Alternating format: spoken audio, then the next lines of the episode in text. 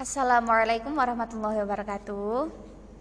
Halo guys, perkenalkan Nama saya Iva Turodia Saya dari program Diploma 3 Tingkat 2 di Stikes Kepanjen. Baik, di sini saya akan menjelaskan tentang analisis dan pencegahan plagiarisme di kalangan mahasiswa. Banyak sekali, umumnya di zaman sekarang, para mahasiswa yang sedang melakukan skripsi atau sedang membuat karya tulis ilmiah, mereka banyak sekali menjiplak atau mengcopy paste dari internet tanpa menyertakan sumber informasi yang jelas.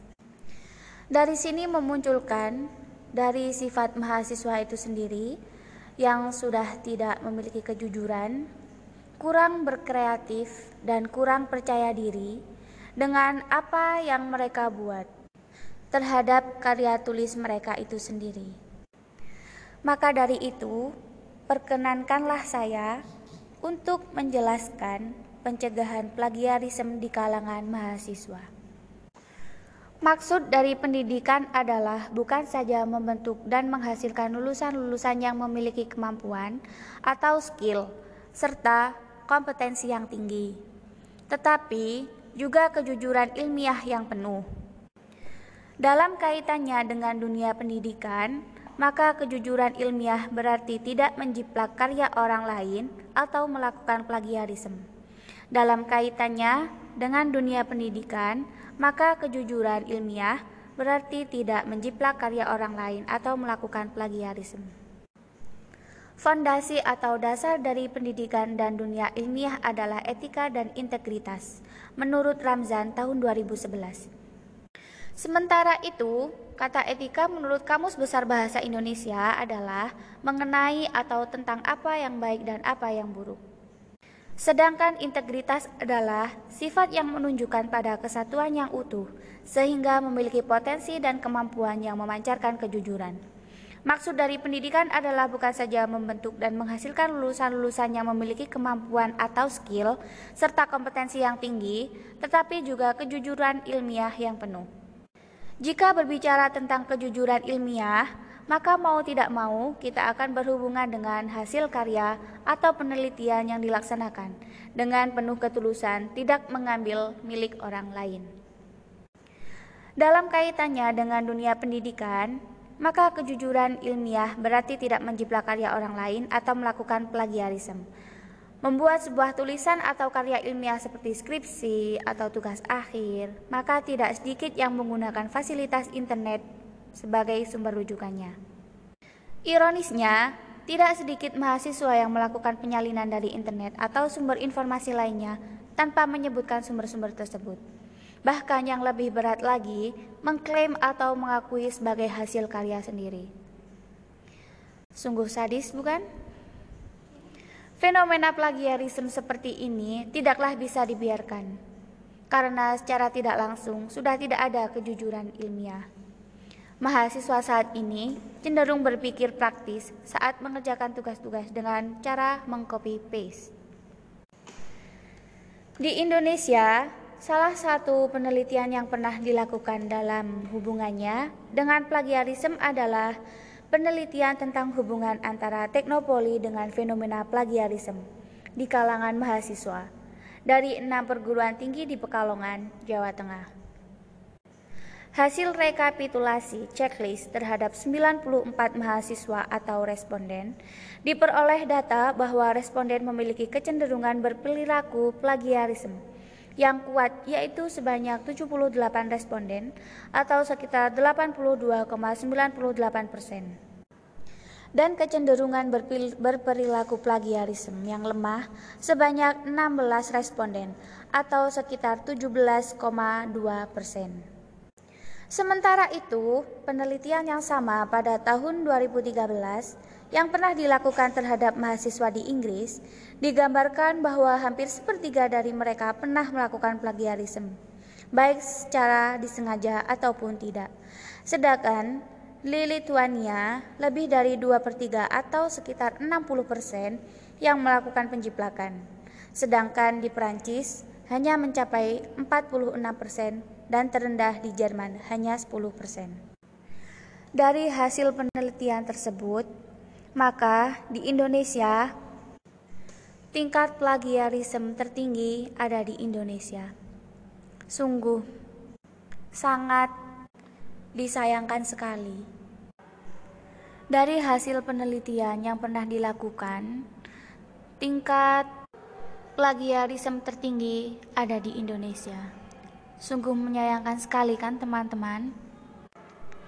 Baiklah, dari kesimpulan tentang plagiarisme di atas tadi, masalah plagiarisme merupakan persoalan yang cukup serius dan perlu mendapatkan perhatian dari seluruh lapisan dalam dunia pendidikan. Seperti diketahui, fondasi dari pendidikan adalah kejujuran yang penuh. Jika seorang calon lulusan perguruan tinggi sebelum lulus sudah dibekali ketidakjujuran atau dishonesty, maka ketika dia terjun ke masyarakat, seluruh tindakannya akan penuh dengan kebohongan. Ketidakjujuran atau dishonesty akan terus meningkat sejalan dengan budaya instan mahasiswa melalui pemanfaat teknologi informasi dan komunikasi yang saat ini berkembang dengan pesat. Dari hasil penelitian di muka, di mana tergambar masih ditemui calon-calon sajana yang belum paham tentang batasan-batasan plagiarisme. Maka, makin jelas sangat dibutuhkan beberapa tindakan untuk mengatasinya. Salah satu dari kegiatan tersebut adalah meningkatkan kemampuan mahasiswa dalam hubungannya literasi plagiarisme di antaranya melalui pelatihan-pelatihan yang bisa dilakukan. Sekian penjelasan tentang masalah plagiarisme di kalangan mahasiswa kali ini. Semoga bisa bermanfaat bagi teman-teman semuanya dan bisa dibuat pelajaran dan juga lebih berkreatif, inovatif dan tentunya lebih percaya diri dong dengan hasil karya ilmiah kita sendiri. Dan tentunya kita harus bangga dengan apa yang kita perjuangkan sendiri, bukan menjiplak dari orang lain. Dan jangan lupa, tanamkanlah selalu kejujuran pada diri Anda sendiri. Terima kasih. Apabila banyak kekurangan, saya sendiri mohon maaf yang sebesar-besarnya. Wassalamualaikum warahmatullahi wabarakatuh. Assalamualaikum warahmatullahi wabarakatuh Kembali lagi bersama saya Iva Turodia dari Diploma 3 tingkat 2 di Stikes Kepanjen uh, Kembali lagi bersama saya ya untuk pertemuan kedua kalinya ini. Uh, Saya mohon izin untuk menjelaskan kali ini tentang metode penelitian tindakan atau action research. Menurut Zuriyah tahun 2003 mengemukakan bahwa penelitian tindakan menekankan pada kegiatan atau tindakan dengan menguji cobakan suatu ide ke dalam praktek atau situasi nyata dalam skala mikro yang diharapkan kegiatan tersebut mampu memperbaiki, meningkatkan kualitas, dan melakukan perbaikan sosial. Selanjutnya ada juga fungsi penelitian. Secara umum, fungsi penelitian menurut Gippard tahun 1986 ada tiga, yaitu untuk memahami fenomena atau need to know, membantu pelaksanaan pekerjaan atau need to do, dan untuk memilih need to choose dan mengukur. Metode penelitian yang berfungsi untuk memahami fenomena adalah penelitian yang berfungsi untuk menggambarkan fakta, membuktikan, mengembangkan, dan menemukan pengetahuan. Metode penelitian yang dapat digunakan untuk memahami fenomena secara umum adalah metode penelitian survei, eksperimen, kualitatif, dan kombinasi. Kesukaran evaluasi dalam pelaksanaan PTK yaitu terkadang tidak diperboleh pengaruh yang dapat diobservasikan atau benda yang nyata antara kelompok-kelompok di mana dilaksanakan program karena tidak ada kontrol untuk membuat hal-hal lain di luar program tidak berubah. Lalu yang kedua, adanya sifat mengamati langsung oleh peneliti terhadap manusia yang melaksanakan dan terlibat dalam pelaksanaan kegiatan perubahan itu sendiri. Maka berakibat dampak yang diperlihatkan tidak murni lagi. Selanjutnya, ada juga kesukaran kerjasama dalam pelaksanaan PTK. Karena dalam pelaksanaan penelitian tindakan ini, perlu sekali adanya kerjasama antara peneliti dengan pelaksana kegiatan atau decision maker. Mengakibatkan satu Sukar untuk menjelaskan apakah proyek tersebut suatu penelitian atau suatu program tindakan, sehingga sukar menentukan siapa yang akan menjadi pengambilan keputusan. Yang kedua yaitu adanya ketergantungan antara peneliti dan pelaksana program, sedangkan kedua belah pihak mempunyai profesi serta orientasi dan perbedaan dalam deskripsi pekerjaan serta sistem rewarding. Yang ketiga yaitu adanya ketentuan serta requirement yang interdisiplin dari penelitian tindakan antara ahli antropologi dengan ahli pertanian dan sebagainya. Membuat penelitian tindakan merupakan suatu penelitian yang menghendaki kerjasama yang utuh. Kemudian ada langkah-langkah dalam penelitian tindakan. Secara garis besar, langkah-langkah dalam penelitian tindakan ini meliputi perencanaan atau planning, pelaksanaan atau acting, pengamatan monitoring, dan refleksi atau penilaian atau reflecting. Keempat, langkah tersebut dapat dilihat dari bagian berikut ini. Yang pertama yaitu perencanaan, pelaksanaan, pengamatan, dan refleksi. Dan itu saling berkesinambungan. Mereka saling berhubungan. Menurut Nazir tahun 1988, dikemukakan Langkah-langkah pokok dalam penelitian tindakan sebagai berikut. Yang pertama, rumusan masalah dan tujuan penelitian bersama-sama antara peneliti dan pekerja praktis dan decision maker. Yang kedua, himpun data yang tersedia tentang hal-hal yang berhubungan dengan masalah maupun metode-metode dengan melakukan studi keputusan. Yang ketiga, Rumuskan hipotesa serta strategi pendekatan dalam memecahkan masalah. Yang keempat, buat desain penelitian bersama-sama antara peneliti dengan pelaksanaan program, serta rumuskan prosedur, alat dan kondisi pada mana penelitian tersebut akan dilaksanakan. Yang kelima, tentukan kriteria evaluasi, teknik pengukuran, serta teknik-teknik analisa yang digunakan. Keenam, Kumpulkan data, analisa, beri interpretasi, serta generalisasi dan saran-saran. Dan yang terakhir, laporkan penelitian dengan penulisan ilmiah. Baik, untuk yang terakhir, dapat kita simpulkan bahwa penelitian tindakan adalah penelitian yang berorientasi pada penerapan tindakan dengan tujuan peningkatan mutu atau pemecahan masalah pada suatu kelompok subjek yang diteliti dan mengamati tingkat keberhasilan atau akibat tindakannya. Untuk kemudian diberikan tindakan lanjutan yang bersifat menyempurnakan, tindakan atau penyesuaian dengan kondisi dan situasi sehingga diperoleh hasil yang lebih baik. Praktis dan langsung relevan untuk situasi aktual dalam dunia kerja. Menyediakan rangka kerja yang teratur, untuk pemecahan masalah dan perkembangan-perkembangan baru yang lebih baik baik daripada cara pendekatan impresionik dan fragmentaris. Kemudian, fleksibel dan adaptif membolehkan perubahan-perubahan selama masa penelitiannya dan mengorbankan kontrol untuk kepentingan on the spot experimentation dan inovasi. Sekian penjelasan metode penelitian tindakan atau action research kali ini yang bisa saya sampaikan. Semoga bisa bermanfaat buat kita semua.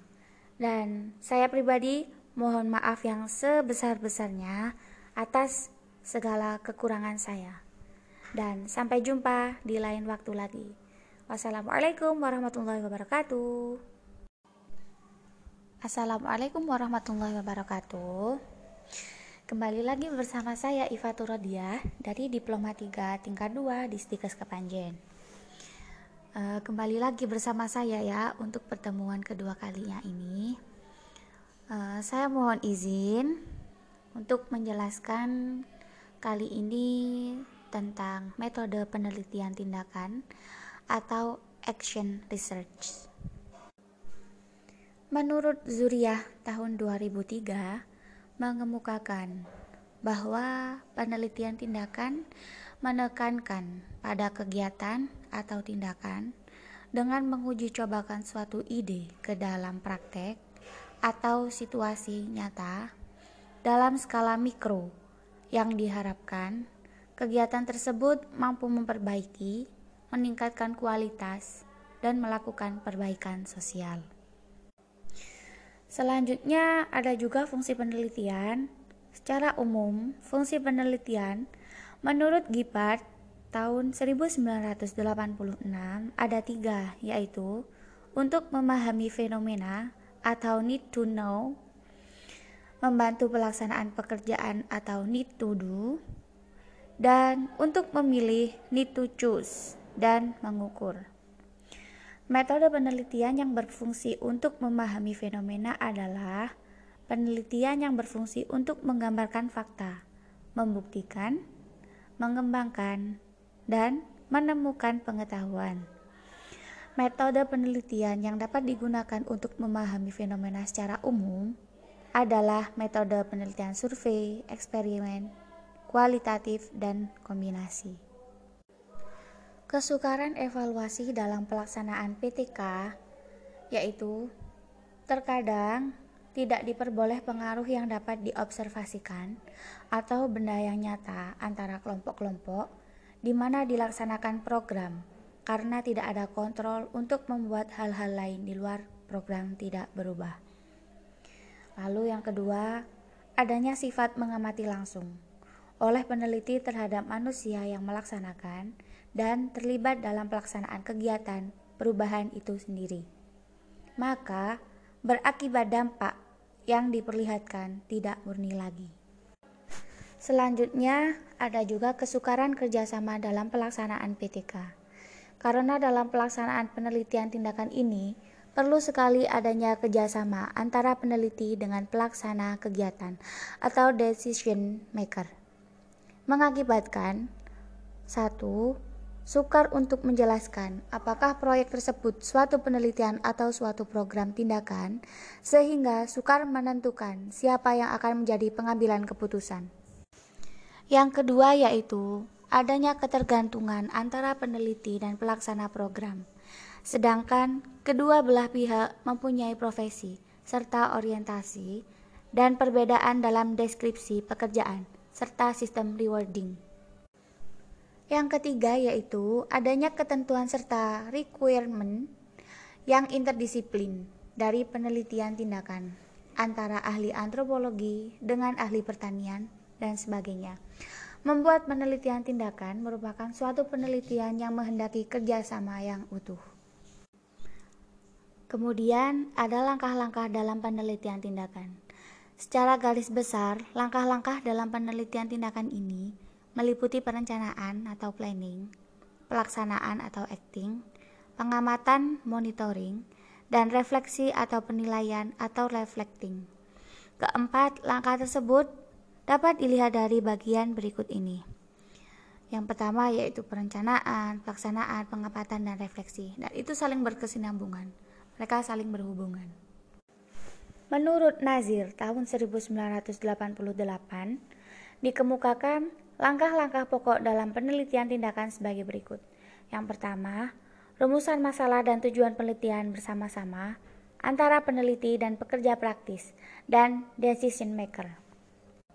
Yang kedua, himpun data yang tersedia tentang hal-hal yang berhubungan dengan masalah maupun metode-metode dengan melakukan studi keputusan. Yang ketiga, Rumuskan hipotesa serta strategi pendekatan dalam memecahkan masalah.